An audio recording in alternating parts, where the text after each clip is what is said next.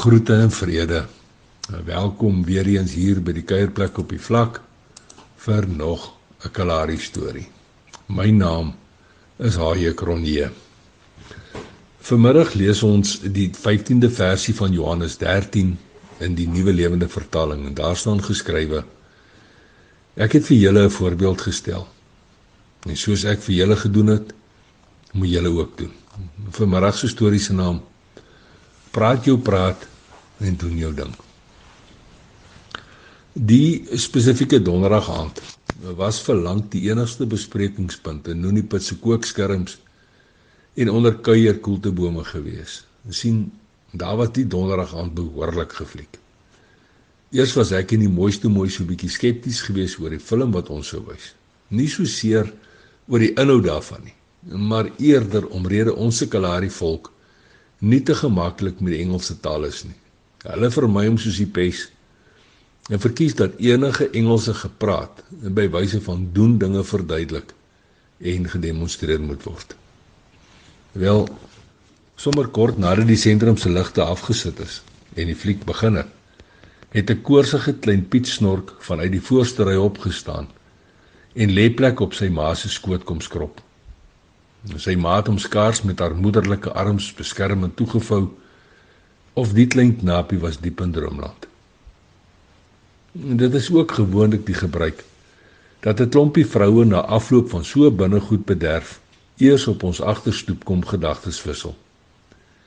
Meestal om gedagtes uit te ruil oor sake wat maar vlak in die hart en vlak in die mond lê, maar die betrokke aand was klein Piet Snork se ma met die moederlike arms ook op die agterstoep.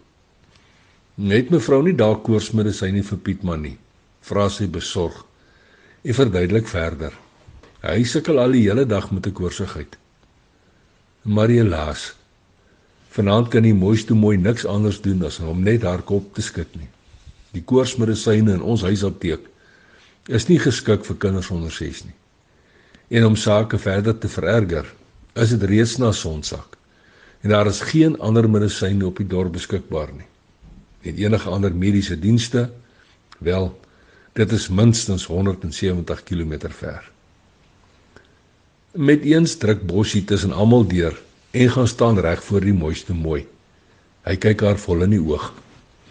Nou Bosie is nie noodwendig die skerpste potlood in enige pakkie nie. Want sy verstaan is ook nie altyd te vinnig nie.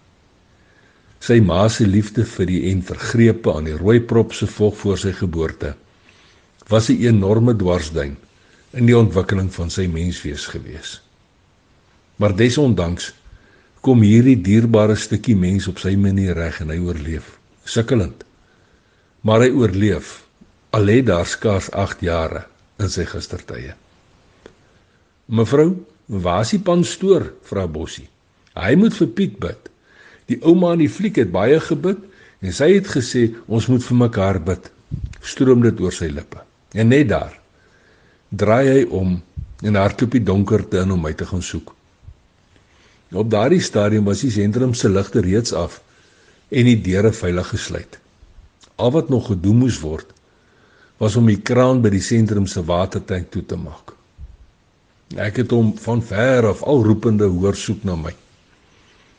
Maar vanaand het ek tog nie lus vir Bossie en sy dinge nie. En ek staan doodste langs die watertank met die hoop dat hy my nie sal kry nie. Skaars het hierdie gedagte in my kop adres gemaak.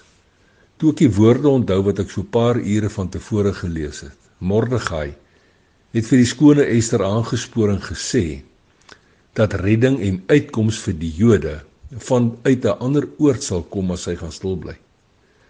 En daarteenoor het Jesus as toonbeeld van gehoorsaamheid geen aansporing nodig gehad nie. Hy het presies geweet wat om te sê en wat om te doen en wat nie. Met hierdie gedagtes en woorde wat steeds in my ore weer klink, sien Bosie my in die donker te raak. So sleep hy my al verduidelikend agterstoep toe waar die sieke Piet snork steeds in sy ma se moederlike arms geduldig saam met 'n bondel vag Panstoor moet bid. Die ouma in die fliek het so gesê. Praat Bosie sy praat en doen sy ding. Terselfdertyd druk die Heilige Gees op dat Vader in my ongehoorsaamheid iemand anders hiervoor sal gebruik as ek wil nie. En so is daar sommer op die agterstoep vir klein Piet snork gebid. Die volgende dag was die son skaars effens hoër as 'n handbreedte bo kan die verste sien. Toe Piet snork se ma met die moederlike arms kom beduie dat die klein knapie die vlak vol hol. Van siek wees, weet hy nou net mooi niks nie. Alles te danke aan 'n God wat genees en 'n bossie wat sy praat gepraat en sy ding gedoen het. Maar wat van jou? Hoe gehoorsaam is jy met die praat wat jy moet praat en die doen van daardie dinge wat jy moet doen? Nou ja toe. En tot 'n volgende keer. Los mooi spore en sandkorrelbaai seëninge.